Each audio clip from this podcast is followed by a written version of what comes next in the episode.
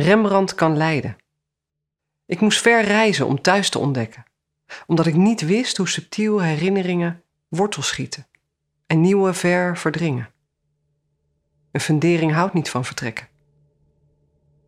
Als ik, vaak urenlang, kijk naar hoe je ontwaakt en stilletjes schetsen maak in mijn hoofd, hoe 21ste eeuw naast oud wordt gedoogd, voel ik dat het zelden de essentie raakt. Hij kon het wel, geboren met verbeeldingskracht en slechts een droge naald in koperplaat, ongedwongen lijden, op de essentie ingezoomd. Zou hij genoten hebben van de macht? Van zo kunnen tonen waar het echt om gaat? Zou hij het opwinding hebben genoemd? Ik ben Marianne van Velzen, stadsdichter van Leiden en er is mij gevraagd om een sonnet te schrijven over Rembrandt en Leiden.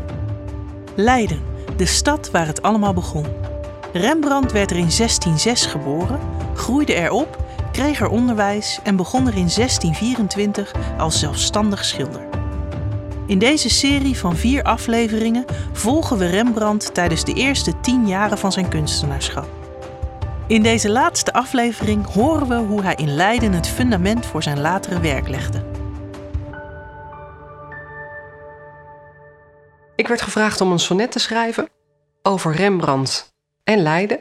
Dus ik heb heel erg thuis en hoe kun je thuis in beeld weergeven, heb ik geprobeerd in dit gedicht weer te geven.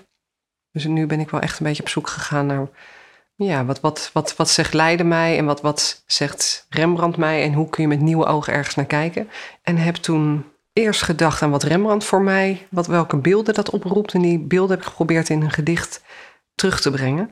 En datzelfde heb ik eigenlijk gedaan met Leiden. Dus wat is Leiden voor mij? Nou, Leiden is mijn thuis. Dus ik heb heel erg thuis en hoe kun je thuis in beeld weergeven, heb ik geprobeerd in dit gedicht weer te geven. Zijn thuis was ook Leiden. Hij heeft in ieder geval wel de gave gehad om in beeld weer te geven wat je ziet en wat je voelt. Ik kan dat uh, met woorden uh, en hij kon dat met, met de schets die hij maakte, onder andere.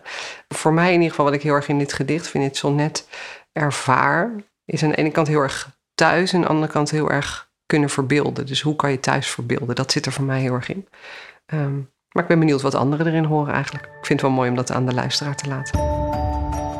Meta Knol, directeur van Museum de Lakenhal, kan zich goed voorstellen hoe Rembrandt door Leiden moet hebben gelopen. In Leiden kun je Rembrandt overal vinden. Want Rembrandt leefde in de 17e eeuw en in de hele Leidse binnenstad zie je nou, is, is, is vergeven van de historische sporen. Dus overal zie je nog 17e-eeuwse panden. De, hele structuur van de stad is nog 17e eeuws. Allerlei details, uh, historische details in het stadsbeeld herinneren nog aan die tijd. Dus ik, ik kan mezelf best wel levendig voorstellen hoe hij daar moet hebben gelopen. Hij heeft bijvoorbeeld vast ook gezien hoe de Laken al gebouwd werd. In 1639 begonnen ze met de bouw. In 1641 waren ze klaar. Ik weet bijna zeker dat hij uh, een paar keer is komen kijken. En toen het open was, is hij vast ook wel binnen geweest. Dus voor ons, die in de laak al werken, is Rembrandt op die manier alleen al heel erg dichtbij. En verder, ja, kijk, dat vermaleide woonhuis van zijn ouders, dat is er natuurlijk niet meer. Uh, maar de Latijnse school is er wel, de universiteit is er ook, de hortus is er ook, de grachten zijn er, de mar markt is er, de waag is er. Er is zoveel, het stadhuis is er nog, de collectie is er nog collectie schilderijen die Rembrandt in het stadhuis van Leiden moet hebben gezien. Die is er nog. Die hangt nu in Museum Laakal. Dus het is een, een web van sporen uh, dat ons nog steeds verbindt met Rembrandt. Biograaf Onno Blom weet hoe het is om als jongen in Leiden op te groeien. Hij heeft op de Latijnse school gezeten. Dat gebouw, dat staat er nog. Die gevel is betoverend mooi.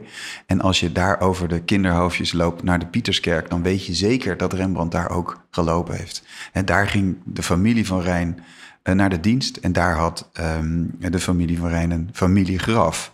Dus voor hele bepaalde, hele belangrijke momenten in het leven van de jonge Rembrandt... hebben zich in de Pieterskerk afgespeeld. En Rembrandt heeft gestudeerd, hij heeft zich ingeschreven bij de rector van de Leidse Universiteit aan het academiegebouw. Dat staat er ook nog. Dus de buurt rond de Pieterskerk, Latijnse school, Gravensteen uh, en de universiteit is echt Rembrandt-territorium. Daar kan je die jongen als het ware tegenkomen, de schim van die jongen. Maar er is natuurlijk nog een ander terrein dat met name met de prilste jeugd, eh, jeugd van Rembrandt te maken heeft. Dat is namelijk het, waar hij geboren is. Hij is geboren in de Weddesteeg. De Weddesteeg is een steeg achter waar vroeger de westelijke stadswal was, waar de molen van zijn vader op stond. Maar het geboortehuis van Rembrandt is gesloopt. En dat is echt ongelooflijk, want uh, in de vorige eeuw, 1906, toen in Amsterdam het Rembrandthuis werd aangekocht, het huis waar Rembrandt zijn twintig misschien wel meest succesvolle jaren doorbracht, werd aangekocht, opgeknapt in historische stijl. En in diezelfde uh, eeuw is het geboortehuis van Rembrandt gewoon door de gemeente Leiden afgebroken tenminste. Dat hebben we laten gebeuren met open ogen. Dat is een verbijsterende beslissing. Het is wel zo dat als je in de Weddesteeg gaat kijken, eh, dat, dat daar een hele leuke sfeer heerst. Want het water is dus heel dichtbij. Hè? Dus Rembrandt woonde aan de stadswal en daar stroomde de Rijn de stad uit naar zee. Daar heb je nog steeds een oude houten ophaalbrug. En aan de overkant staat een molen, molen de Put. Die lijkt op de molen die zijn vader ook gehad moet hebben. Maar het zijn replica's, het is duidelijk van deze tijd. En het is toch wel behoorlijk schrijnend dat er alleen maar een gevelsteen zit in een modern appartementencomplex in de Weddesteeg. En die zit ook nog eens uh, niet op de goede plek. En dat is dan alles wat rest van het geboortehuis van de beroemdste zoon van de stad. Dat is, dat, dat is treurig. Dat zou denk ik iedereen in Leiden nu graag anders zien. We kunnen dat allemaal niet begrijpen hoe ze dat nou hebben kunnen doen.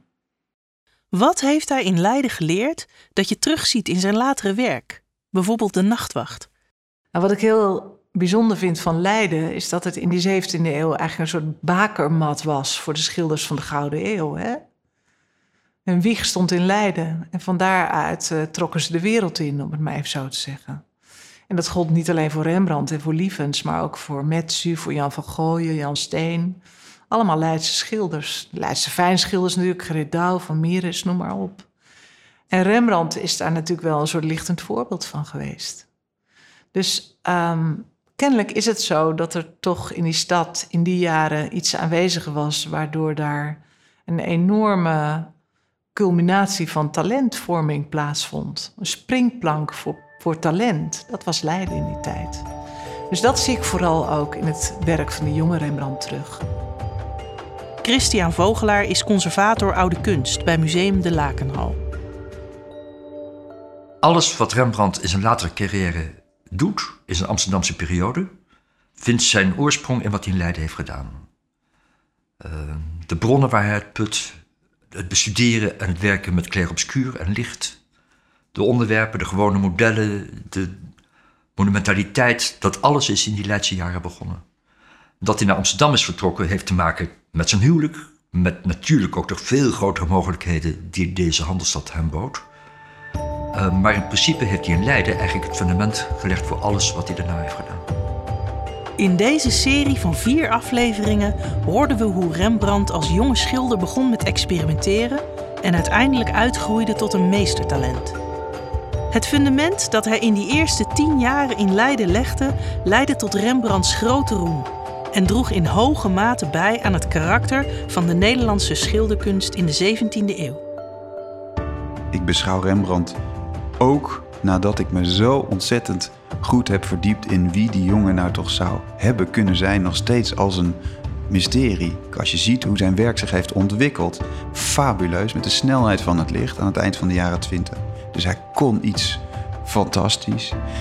Um, maar het blijft toch een mysterie waarom dat werk van hem zo'n indruk maakt. En ook ja, wie hij nu werkelijk was. Ik heb geprobeerd om echt helemaal in zijn hoofd te kruipen en door de stad te lopen alsof ik me in de 17e eeuw bevond. En dan te beschrijven, ja, wat, wat was nou belangrijk voor hem? Wat zag hij daar dan? Hoe ontwikkelde die stad zich? Hoe, rook het er? Ik bedoel, het moet bij tijd en verschrikkelijk hebben gestonken in de grachten. Uh, en, en het was gewoon vies, ook door de lakenindustrie. En er werd Frans gesproken op straat.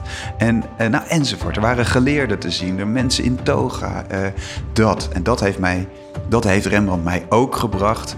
Dat ik echt ja, hij, hij, heeft ervoor gezorgd dat hij de deur naar de 17e eeuw heeft opengezet. Hij bezorgt mij de historische sensatie en dat, uh, ja, dat voelt heel goed. Mensen moeten naar de tentoonstelling om over de schouder van Rembrandt te kunnen zien hoe die zich ontwikkelde. Om werken te zien die na bijna 400 jaar weer terugkeren naar Leiden. Dat werk van Rembrandt is verspreid geraakt over de hele wereld. Maar nu zie je het bij elkaar in één tentoonstelling. En uh, die kans die krijg je voorlopig niet meer, denk ik. Dus uh, we nemen deze podcast op voordat de werken bij ons binnenkomen. Maar ik verheug me er nu al heel erg op om ze straks naast elkaar te zien hangen in de tentoonstelling. Deze podcast hoort bij de tentoonstelling Jonge Rembrandt Rising Star in Museum de Lakenhal in Leiden. De tentoonstelling is te zien tot en met 9 februari 2020. Bedankt voor het luisteren en tot ziens in Museum de Lakenhal.